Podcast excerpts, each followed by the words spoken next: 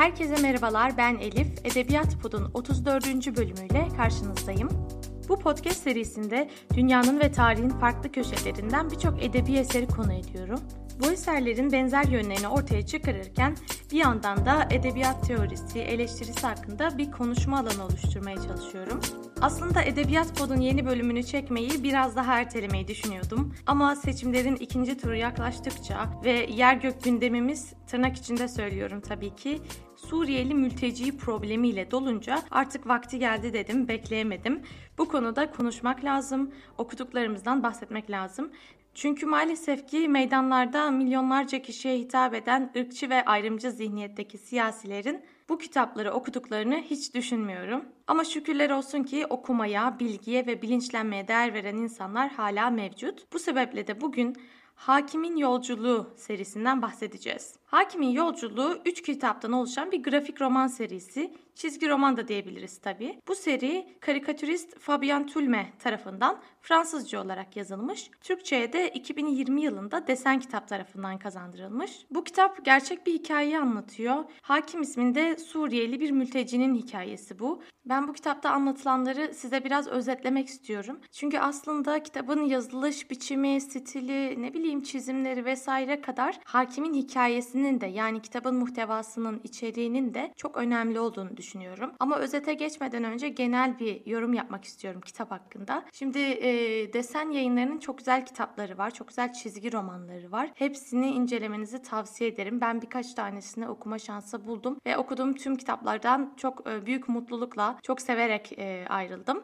Bu kitap da çok güzel, baskı kalitesi çok güzel, fiyatı çizgi romanlara göre hala çok uygun açıkçası. Ve kitabın çizimleri çok çok güzel. Fabian Tulme'nin başka bir kitabını okumadım ama okumayı çok istiyorum. Çünkü çizimlerinin sempatikliği, her şeyi çok güzel, çok detaylı bir şekilde ele alışı ama bunun yanında da asla ve asla insanı sıkmayışı, hep böyle çok önemli, en can alıcı noktaları ortaya çıkarması bence çok kıymetliydi, çok başarılıydı. Kitabın çevirisi de gayet güzeldi. Genel olarak yayın evinin bu kitabı Türkçe'ye kazandırıştaki performansı bence takdire şayan. Kitabı okursanız ki mutlaka tavsiye ediyorum okumanızı. Ben anlattıktan sonra daha da iyi karar verebilirsiniz. Hiç sıkılmayacağınızı size garanti edebilirim. Çünkü hem çok hızlı akıyor çizgi roman olduğu için hem de gerçekten anlatılan hikaye sizi içine çekiyor. Ben bu kitabı şu ana kadar kime önerdiysem, kime hediye ettiysem herkes çok memnun kaldı. Bu yüzden tam da vakti gelmişken ülkemizde de ırkçı dalgalar, maalesef ki nefret dalgaları çok büyümüşken bu kitabı Edebiyat Pod'un çok değerli dinleyicileriyle de paylaşmak istedim. O zaman ben kitabın hikayesini özetlemeye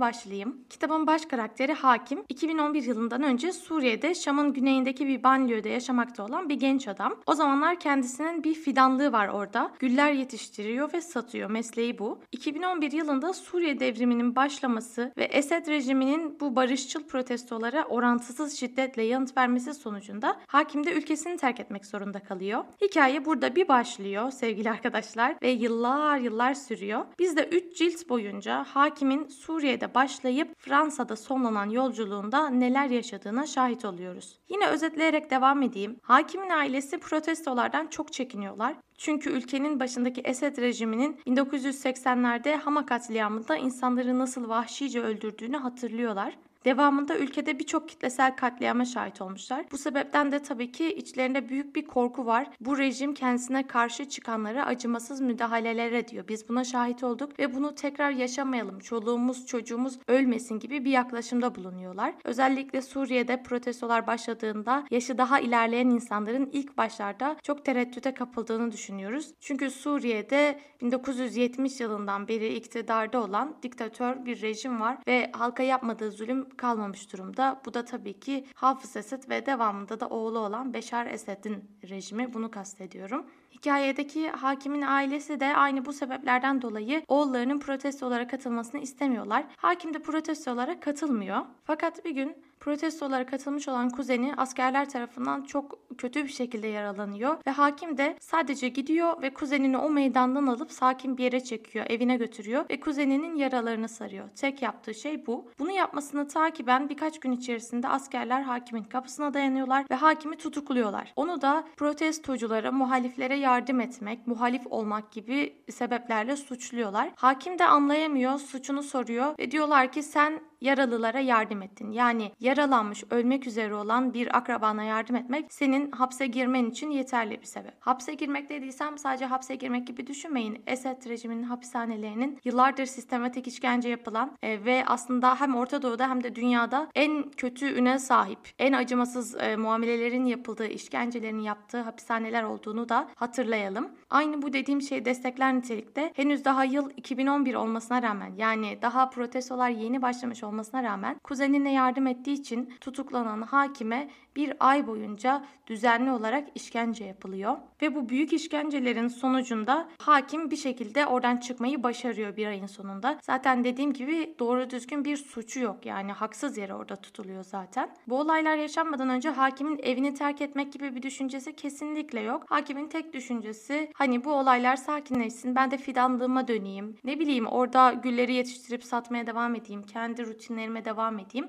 Tek derdi bu. Ama maalesef ki bu işkence olayları yaşandıktan sonra hem hakim hem de ailesi görüyorlar ki hakimin orada kalması artık gerçekten mantıklı olan bir durum değil. Bu yüzden de hakim mecburen öncelikle Şam'ın merkezine gidiyor. Çünkü dediğim gibi bir banliyöde yaşıyordu. Merkeze gidiyor. Ama orada da güvenlik içinde olmadığını fark edince bu sefer ikinci bir çözüm arıyor ve diyor ki ben Lübnan'a gideyim. Şam ile Lübnan'ın arası, Beyrut'un arası arabayla böyle bir buçuk saat civarı sürecek bir yolculuk. Yani sanki şehirler arası yolculuk gibi bir yer. Çok yakın. E, çok yakın olduğu için ve oraya kimlikle girebiliyor Suriyeliler. Çünkü dediğim gibi birbirine çok yakın iki halk, çok yakın iki ülke. Hakim de Lübnan'a, Beyrut'a bir arkadaşının yanına gitmeye karar veriyor. Mecburen oraya gidiyor ve arkadaşının yanında kalmaya başlıyor. Fakat Lübnan'da bir türlü iş bulamıyor. Nedeni birincisi Suriyeli bir mülteci olması. E, işverenler onu çalıştırmayı tercih etmiyorlar. İkincisi de Lübnan'da da zaten ekonomik durumun kötü oluşu. Suriyeli mülteci olduğu için onu kabul etseler bile işverenlerin de ekonomik durumu iyi olmadığı için hakim bir türlü düzenli bir iş bulamıyor. Yanında getirdiği bir birikmiş parası var tabii ki ama o para da günden güne azalıyor. Hakim diyor ki benim artık yeni bir çözüm bulmam lazım. Ne yapayım? Amman'a gideyim Ürdün'e orada teyzemin yanında kalabilirim diye düşünüyor. Şansını orada da denemek istiyor. Orada kendine gerçekten bir iş buluyor. Ama maalesef ki bu işte sigortasız ve çok düşük bir ücret ödüyorlar ona. İnsani olmayan şartlarda çalışıyor resmen. Oradayken bir iki iş değiştiriyor ama şartları hiç düzelmiyor. Her zaman böyle kayıtsız olarak ve çok zor koşullarda çalışıyor.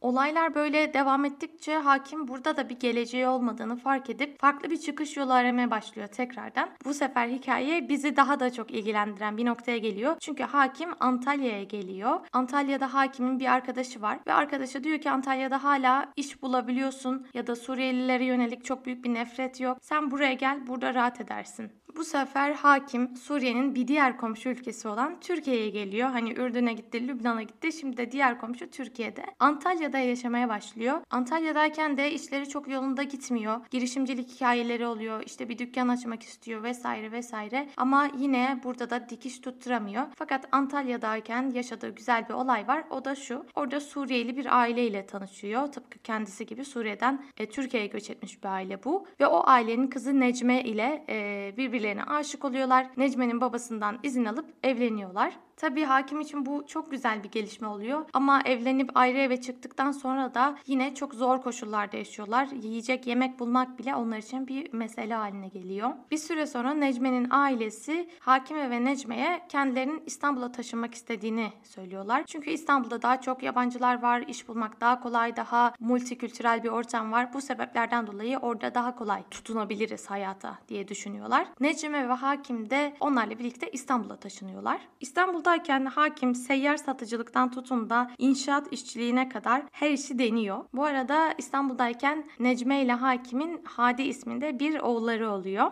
Ama İstanbul'da da yeterli para kazanabildikleri sağlıklı bir hayat kuramıyorlar. Ya da hani bir güvencesi olan, sigortası olan, sabit bir e, hayat kuramıyorlar kendilerine maalesef ki. Bunun sonucunda hakimin e, eşinin ailesi Fransa'ya taşımak istediklerini söylüyorlar. Orada bir takım yasal prosedürleri atlatıp oraya gidebiliyorlarmış. Böyle bir yöntem buluyorlar. E nasıl yapacağız? Tüm yasal durumlar ortaya konduktan sonra görülüyor ki Necme yani hakimin eşi ailesiyle Fransa'ya gidebilir ama hakim ve oğulları Hadi onlarla birlikte gidemez. O zaman diyorlar ki Necmi ailesiyle birlikte gitsin. Sonra orada bir oturum izni alınca da aile birleşimiyle hakimi ve oğulları Hadi'yi de yanına çağırabilir diye düşünüyorlar. Dedikleri gibi de yapıyorlar. Gerçekten Necmi ve ailesi Fransa'ya gidiyorlar. Hadi ile hakim bir süre İstanbul'da kalıp başlarının çaresine bakmak zorunda kalıyorlar. E, resmen bir solo parenting yapıyor e, hakim burada. Hem çocuğuna bakmaya hem çalışmaya çalışıyor. Hem çocuğunu sağlıklı bir şekilde büyütmeye çabalıyor. Çok zor günler geçiriyor ama nihayetinde Necme e, oturum izni alabiliyor ve hakim de Fransa'ya gitmesi gerektiğine karar veriyor. Bu noktadan sonrasını çok uzun bir şekilde anlatmayayım. Çünkü zaten e, podcast'a başlayalı da bayağı oldu. Sizde hikayeyle sıkmak istemiyorum. Ama çok çok çok kısaca olaylar şöyle gelişiyor.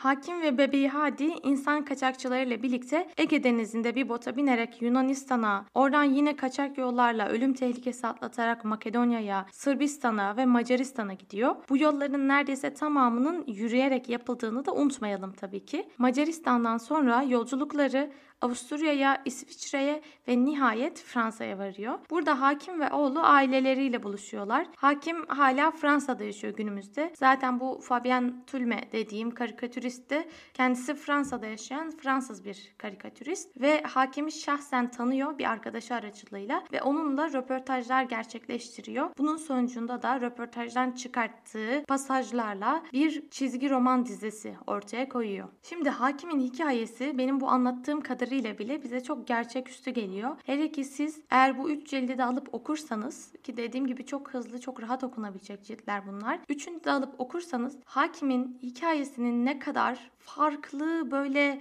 zulümlerle, acılarla dolu, zorluklarla dolu ama bir yandan da çok insani, bir yandan da bize çok benzeyen bir hikaye olduğunu göreceksiniz. Fakat dediğim gibi en başta bu hikaye bize kendi günlük hayatımıza göre çok farklı geliyor. Çok nadir bir hikaye gibi geliyor. Ama maalesef ki hakimin hikayesiyle dünyadaki milyonlarca mültecinin hikayesi çok da farklı değil. Birleşmiş Milletler Mülteciler Yüksek Komiserliği'nin verilerine göre günümüz itibariyle dünya genelinde zorunlu göçe maruz kalan 103 milyon kişi bulunuyor. Bunların bir kısmı mülteci statüsüne erişmiş durumda, bir kısmı başvurmuş ama henüz gelmemiş, bir kısmı da bizim ülkemizdeki gibi geçici koruma ve benzeri farklı statülere sahipler. 2011'den itibaren Suriye'deki zulümden dolayı zorunlu göçe maruz kalan kişi sayısı da 6.8 milyon. Bu bireylerin yaklaşık 3.7 milyonu Türkiye'de yaşıyor. Türkiye'deki Suriyelilerin de %70'i çocuk yahut kadın. Yani yalnızca %30 oranında yaklaşık olarak 1 milyon civarında yetişkin erkek Suriyeli bulunuyor Türkiye'de. Yine Kızılay'ın verilerine göre Suriyelilerin yararlandığı Avrupa Birliği kaynaklı aylık yardımlardan çok çok az sayıda Suriyeli yararlanıyor. Ülkemizdeki Suriyelilerin neredeyse tamamı iş gücüne katılarak ailesini geçindirme derdinde. Ki maalesef bu işçilerin çok çok az bir kısmına çalışma izni veriliyor. Yani geri kalan tüm Suriyeli işçiler sigortasız, haklardan mahrum ve asgari ücretten dahi düşük ücretler karşılığında çalışıyorlar. Suriyeli göçmenler arasında da tabii ki geçtiğimiz senelerde iş kuran ya da kendi ülkesindeki sermayesini buraya aktarmayı başaran ve ülkemize özellikle de ihracat alanında büyük katkılar sağlayan iş insanları da bulunuyor. Bağımsız kurumların araştırmalarına ve raporlarına göre Suriyeli şirketlerin Türkiye ekonomisine milyar doların üzerinde katkı sağladıkları da ortada duran bir gerçek. Her ne kadar birçok insan bu gerçeği duymak istemese ya da araştırmaya zahmet etmese de. 3.7 milyon mültecinin sadece 200 bini vatandaşlık sahibi. Bu da ülkemizde Suriyelilerin yalnızca %4, %6 gibi bir oranının vatandaş olduğunu gösteriyor. Bu oranın da diğer ülkelerdeki Suriyelilere kıyasla çok düşük olduğunu da belirtmeme lütfen izin verin. Ee, yine farklı bir bilgi. Vatandaş olanların da büyük bir kısmı 18 yaş altındaki çocuklar. Yani seçim gündemimiz hala sürdüğü için de bunu söylemek istiyorum. Suriyeli seçmenin seçim sonuçlarına etkisi yalnızca %0.20 civarında kalıyor. Bu bilgilerin hepsini kısa da olsa vermem gerektiğini hissettim. Bu podcast tabii ki bir göçmenlere dair bilinçlendirme ya da bir politikalar hakkında bilgilendirme podcast'i değil. Ben burada edebiyat konuşuyorum ama edebiyatın hayata değen noktalarında da hayata dair gerçekleri hatırlatmak gerektiğini düşünüyorum. Maalesef ki provokasyon ve yalanlar her gün her gün tekrarlanırken gerçekler hep daha söyleniyor sönük kalıyor ve toplumda oluşturulan bu nefret havası halkın Suriyeli göçmenleri insan olarak görmemesine yol açıyor. Hatta ve hatta onlara tıpkı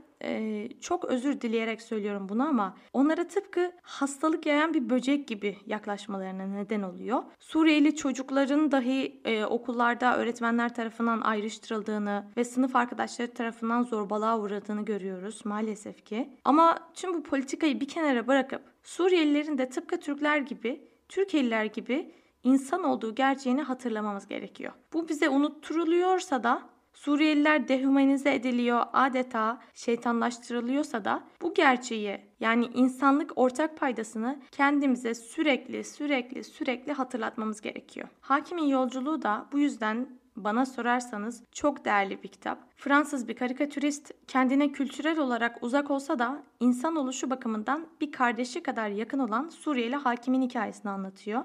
Ki e, podcast'ın başında söylemedim ama aslında bu çizgi roman serisinin ilk cildinde çok değerli bir nokta var ilk sayfalarda. Orada Fabian Tülme bu kitabı yazmaya nasıl karar verdiğinden bahsediyor. Hani bu fikir aklına nereden geldi? Bu proje nereden çıktı?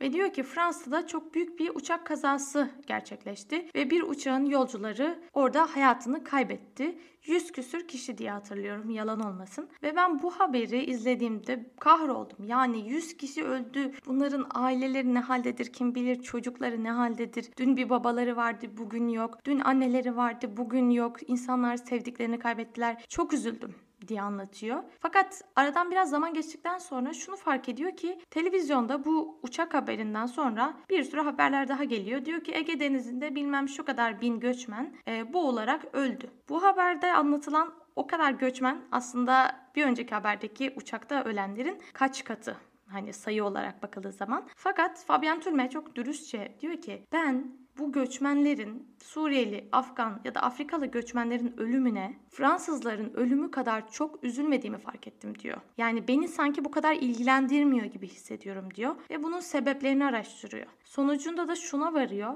Demek ki insan tanıdığı kişilere daha duyarlı, tanımadığı hikayelere, bilmediği, kendine uzak gördüğü, kendinden beri gördüğü kişilerin hikayelerini ise daha duyarsız kalıyor. Bu gerçek üzerine Fabian Türme bunu bir vicdani ödev, bir vicdani görev belliyor ve Suriyeli bir göçmen ile görüşüp onun hikayesini derinden öğrenmeyi ve bunda bir kitap olarak ortaya koymayı aklına koyuyor ve onu tanıdıkça da gerçekten Suriyelilerin dertleriyle sadece Suriyelilerin değil tüm mültecilerin, tüm zorunlu göçe maruz kalan insanların dertleriyle daha çok dertlendiğini ve onları daha çok anladığını fark ediyor. Bu nokta çok önemli, çok dikkat edilmesi gereken bir nokta. Çünkü biz de tanıdığımız acılara daha yakın oluyoruz. Tanıdığımız insanlarla daha çok ilgileniyoruz. Bu yüzden de bizim ülkemizde bu kadar fazla Suriyeli göçmen varken onların hikayesini öğrenmek hepimizin tek tek fert olarak, birey olarak bir görevidir. Bunu öğrenmenin en kolay yolu da ya Suriyeli bir komşunuza, arkadaşınıza, sınıf arkadaşınıza sormak ve öğrenmek, onlardan dinlemek ya da Hakimin Yolculuğu gibi bir kitabı okuyarak olayı çok daha detaylı olarak görmektir diye düşünüyorum. Bu yüzden bu kitabı herkesin okuması gerektiğine inanıyorum. Ben bu kitapla ilgili Okur dergisinin 23. sayısında bir yazı yazmıştım. Başlığı şöyleydi. İltica yolunda sadece süper kahramanların aşabileceği engeller. Gerçekten benim gözümde hakime benzer olaylar yaşayan, canını ortaya koyup ailesini yaşatmak için uğraşan tüm insanlar birer süper kahramandır. Podcast'in ismini de bu yüzden böyle koydum. Zaten bu çizgi roman serisinin bir bölümünde Fabian Tulme kızı Louise'i hakim ile tanıştırıyor. Louise hakimin hikayesini dinleyince babasına dönüp hakim bir süper kahraman olmalı baba diyor. Ben Louise'e çok katılıyorum. Gerçekten hakim de tüm Suriyeliler de birer süper kahramanlar. Öncelikle kendi ülkelerinde süren zulme dur diyebildikleri için süper kahramanlar. Sonra da ailelerini yaşatmak için insan aklının alamayacağı zorluklara katlandıkları için hepsi birer süper kahraman. Mesela her sabah kalkıp Suriyeliler giyecek yazılı pankartlara, otobüste kendilerine dikilen nefret dolu bakışlara, aksanlı bir şekilde Türkçe konuştuklarında muhataplarının değişen yüz ifadelerine inat, yaşamaya, helalinden para kazanmaya, çocuklarına bir çikolata, eşlerine bir çiçek hediye almaya devam ettikleri için süper kahramanlar.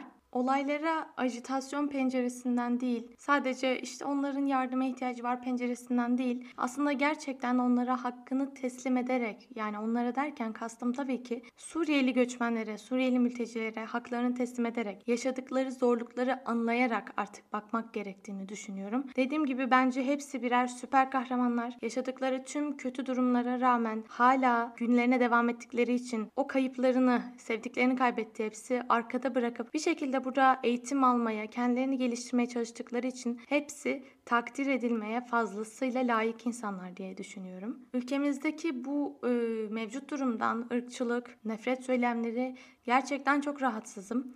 Zaten beni edebiyat kimliğimin dışında tanıyanlar biliyorlar. Ben mülteciler konusunda özellikle de Suriyeli göçmenler konusunda bir noktada aktivizm yapan bir kimseyim ve birçok projede yer aldım. Bu yüzden bu konuda doğru bilgiler alma şansı edindim. Ayrıca benim kendi e, aile hayatımda da ailemin yarısı Suriyeli, sevgili eşim ve onun ailesi ve bu sebeple de aslında Suriyelilerin de bu olayda nasıl hissettiğine, nasıl tepkiler verdiğine ve bu nefret ikliminin onların hayatını nedenli kötü etkilediğine de çok çok yakından şahit olma şansım e, oluyor. Bunları bilen, gören, yaşayan, bizatihi yaşayan bir kişi olarak tüm bu bildiklerimi size aktarmak istedim. O yüzden de özellikle bu podcast'te çektim.